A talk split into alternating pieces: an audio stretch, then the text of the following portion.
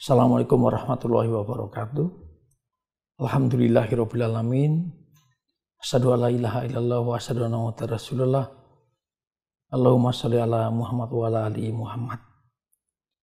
Uh, Pada kesempatan ini izinkan saya sebelumnya membacakan ayat yang pertama diturunkan pada Rasulullah yaitu ayat 1 sampai 5 dari surat Al-Alaq.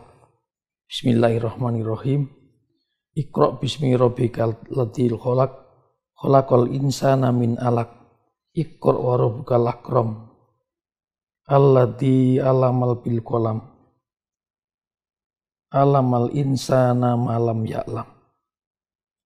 Ini surat yang menggetarkan sekali untuk saya karena yang pertama Allah Subhanahu wa taala berfirman kepada Rasulullah, "Bacalah." Pertanyaan saya, apa Gusti Allah ini tidak mengetahui bahwa Rasulullah Nabi kita ini tidak bisa membaca. Beliau adalah orang yang umi. Tentu saja tidak, subhanallah. Bukan sifat dari Tuhan kita bahwa beliau tidak mengetahui. Jadi pasti mengetahui. Pasti mengetahui. Lalu apa yang dibaca? Oh itu surat pertama. Nah, inilah yang menjadi renungan saya yang saya tadi sampaikan sangat menggetarkan. Karena ini tentu mengandung makna bahwa yang dibaca bukanlah apa yang tertulis. Tetapi yang dibaca adalah firman Allah yang terhampar di dunia. Inilah yang luar biasa karena kemudian beliau bersabda Allah taala yang telah menciptakan manusia dari segumpal darah. Sesuatu yang waktu itu secara ilmu pengetahuan belum diketahui. Bahwa manusia itu muncul dari satu gumpal darah. Bahkan Darwin, eh bukan Darwin, bahkan eh, Mendel, Georges Mendel, itu menyebutkan bahwa biji kacang itu dimulai dari lembaga yang kecil. Sehingga mestinya pada saat itu belum diketahui adanya pertemuan telur dengan sperma antara sel gamet jantan dengan betina. Tapi Allah Subhanahu wa taala Tuhan kita telah mengajarkan kepada Nabi Muhammad meskipun mungkin Nabi Muhammad tidak memahami waktu itu bahwa yang telah menciptakan manusia dari segumpal darah. Dan kemudian disampaikan lagi, bacalah. Jadi diulang sampai dua kali bacalah ini. Tentu ini membaca ini adalah bagian yang sangat penting di dalam memahami Tuhan kita yang mengajarkan apa yang tidak diketahui dan yang mengajarkan dengan pena, dengan kalam. Ini juga suatu inspirasi yang luar biasa untuk mendefinisikan manusia.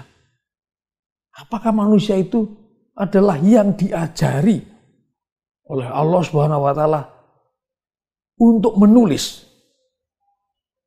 Malaikat pun tidak menulis apalagi binatang. Sepandai-pandai binatang, lihatlah ikan lumba-lumba diberi angka tiga ditambah tiga. Dia bisa mengetuk enam kali. Dan orang mengatakan, hebat sekali, pandai sekali. Ikan lumba-lumba dan binatang yang lainnya. Tetapi mereka tidak bisa berkomunikasi dengan lambang. Berkomunikasi dengan kalam tadi, dengan pena. Tidak, tidak dimiliki oleh binatang. Sehingga tidak pernah binatang berkomunikasi dengan surat kepada binatang yang lain. Mereka bersuara, ya, tapi tidak dengan lambang-lambang. Dan lambang ini, kalam ini, di manusia-manusia sebelumnya tertulis dalam gua-gua. Tapi lambang. Nah, surat pertama ini, lima surat pertama ini menginspirasi luar biasa. Padahal kita bisa melihat banyak surat lain di dalam Al-Quran yang menginspirasi kita dengan apa yang kemudian kita cari dalam pergumulan sains. Banyak banyak eh, hal yang menginspirasi dalam surat-surat eh, yang ada di dalam Al-Quran. Ambillah satu contoh ini yang eh, dari Al-Ghosiyah pada ayat ke-18. Wa ila sama A'udzubillahi minasyaitonirrajim. Bismillahirrahmanirrahim wa ila sama kaifa fiat wa ila jibali kaifa nusibat wa ilal ardi kaifa sutihat di situ saja kita bisa lihat bagaimana apakah mereka tidak li, melihat bagaimana unta diperanakkan bagaimana langit ditinggikan Bagaimana gunung-gunung ditegakkan. Dan bagaimana bumi dihamparkan. Padahal dalam ayat yang lain lagi disebutkan bahwa langit dan bumi pada awalnya adalah satu. Lalu ada proses mestinya memisahkan langit dan bumi. Ada proses bagaimana gunung ditegakkan, ada proses bumi dihamparkan. Ini semua tentu menginspirasi kita yang bergumul dengan sains untuk menjabarkannya. Jangan sampai ketika ketinggalan. Seperti yang sudah terjadi dengan munculnya teori Big Bang. Big Bang yang menjabarkan, yang menjelaskan bahwa materi dan energi pada awalnya satu, kemudian dipisahkan pada suatu kejadian yang disebut Big Bang. Ini mengacu di sini pada awalnya langit dan bumi adalah satu. Yang kemudian dipisahkan. Nah, ini adalah inspirasi-inspirasi yang kita sebagai umat Islam mestinya bukan hanya kemudian menyocokkan. Oh, itu sudah ada di Al-Quran. Mari kita ambil sekarang. Ada di Al-Quran. Menginspirasi pikiran kita, kita jabarkan di dalam sains. Dalam kesempatan ini, ketika kita sekarang didorong pada bulan Ramadan ini untuk lebih banyak membaca Al-Quran, Mari kita membaca Al-Quran tidak hanya sekedar bertilawah, berkiroah tetapi juga memahaminya, mempelajarinya, dikaji untuk menghasilkan suatu inspirasi di dalam sains. Demikian yang bisa saya sampaikan. Mohon maaf atas kekilafan atau kenekatan saya di dalam menafsirkan beberapa ayat tadi. Terima kasih. Assalamualaikum warahmatullahi wabarakatuh.